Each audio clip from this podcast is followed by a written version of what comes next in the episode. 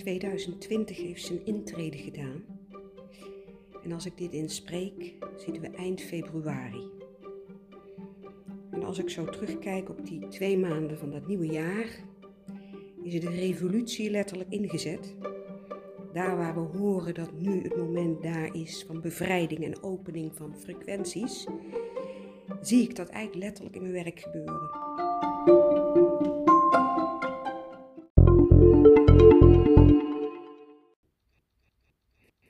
Krijg heel veel nieuwe inzichten. Ik word midden in de nacht wakker met informatie, met beelden in mijn hoofd. Er komt zomaar een cliënt de praktijk binnen met een groot aantekenboek. Ze zegt, die is voor jou. Ligt op een bureau, rolt vol met aantekeningen, zoals mijn hele huis volgt met aantekenboeken. En op het moment dat ik hier begin te spreken, is dat eigenlijk vanuit een innerlijke stuwing.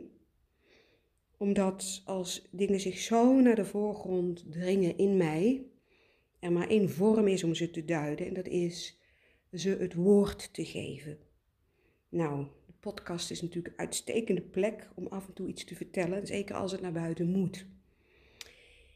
Ontroerd en aangeraakt door een bijzonder boek de afgelopen twee dagen, waarin ik me eigenlijk een beetje uit de voeten had gemaakt vanwege alle drukte. Ik denk, dit is mijn resetmoment.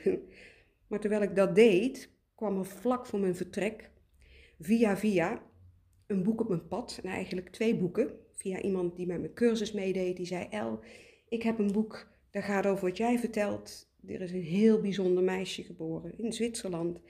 En zij heeft zo'n verruimd bewustzijn dat zij van alles kan waar wij over spreken. En veel meer dan wat we nu nog begrijpen. En ik was nieuwsgierig, ook wel een beetje sceptisch, omdat er natuurlijk veel oppopt rondom. Maar goed, die boeken kwamen me voor de voeten en ik had die twee dagen vrij. En ik werd er vanaf het eerste moment ingezogen. In het verhaal, in de puurheid van het verhaal. Ik ga de inhoud hier niet duiden, ik zal je straks zeggen welk boek het is. Maar wat ik eerst kwijt wil is dat het me zo raakte, omdat, en dan gaan we een paar jaar terug in de tijd, er een aantal jaar geleden iemand hier in mijn praktijk op de stoep stond. Die kwam helemaal uit Australië, via een omweg moest ze ook door Nederland en via dezelfde omweg moest ze bij mij langs. En met haar had ik een consult, in Engelstalig. En dat was verwonderend en openend. En toen zij wegging, zei ze tegen mij: El, ik moet je wijzen op een boek. The Three Volunteers, The Three Waves of Volunteers and The New Earth van Dolores Cannon. Een Engelstalig boek, dikke pil.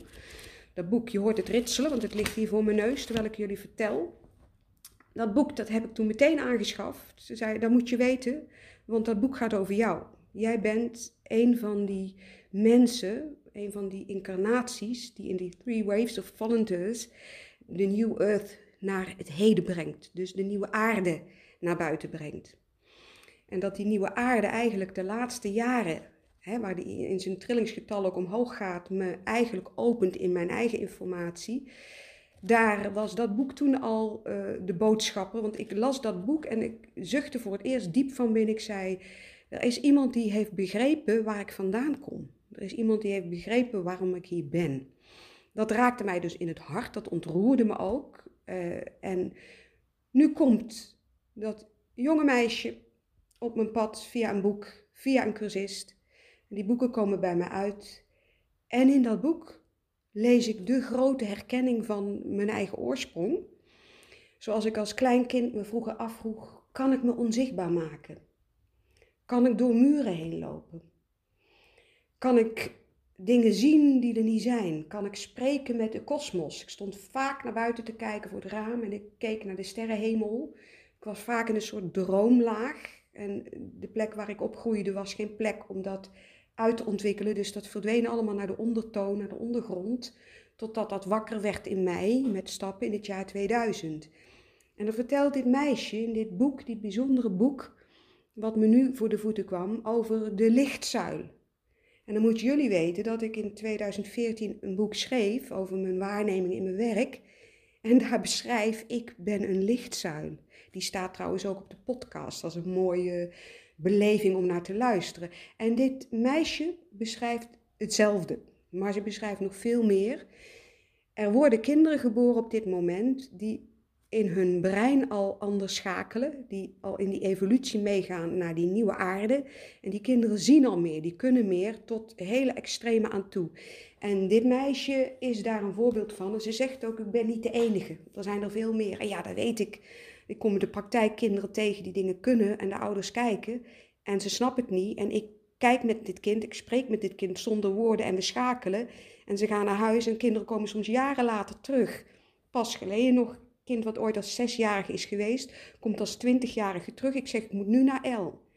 Die is één keer geweest als zesjarige. En dan denk ik van, wat gebeurt hier? Eigenlijk weet ik het wel. En wat ik jullie af en toe vertel in de podcast, ja, ik moet mensen wakker maken, dat is mijn rol. Ik moet dingen de lucht in gooien en daarna weer andere dingen de lucht in gooien. Daarom gebeurt er ook zoveel hier. Maar ik, ik raad je aan, ga eens op zoek naar de boeken van Christina von Draaien. En de boeken die nu zijn geschreven zijn uit naam en via haar moeder, Bernadette von Draaien, geschreven, maar ze gaan over Christina. En Christina is een van de voorbeelden. Het is een letterlijke manifestatie van dat waarnemen op metafysisch niveau en op een hele nieuwe manier gaan denken en schakelen.